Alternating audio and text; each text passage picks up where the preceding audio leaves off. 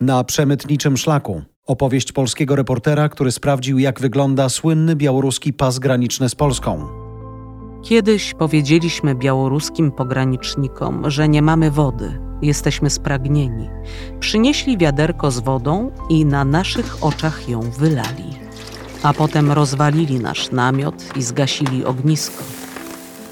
Albo gdy pakowali nas do ciężarówek. Raz kazali nam iść do wozu na kolanach, innym razem, by zmusić ludzi do wsiadania, wyłapywali małe dzieci i wrzucali je na pakę, by ich rodzice też się ruszyli. Oczywiście dla białoruskich pograniczników, którzy słyną z bardzo opresyjnych metod, to była duża rozrywka, ale też traktowali tych ludzi jako mięso armatnie, jako osoby, które przywiozły dolary i można na nich zarobić. Często zmuszali i kobiety, i dzieci do jakichś dziwnych zachowań.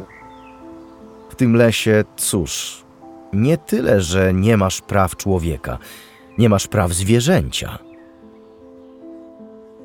Czteroodcinkowa seria dokumentalna. Polecają Okopres i Voice House.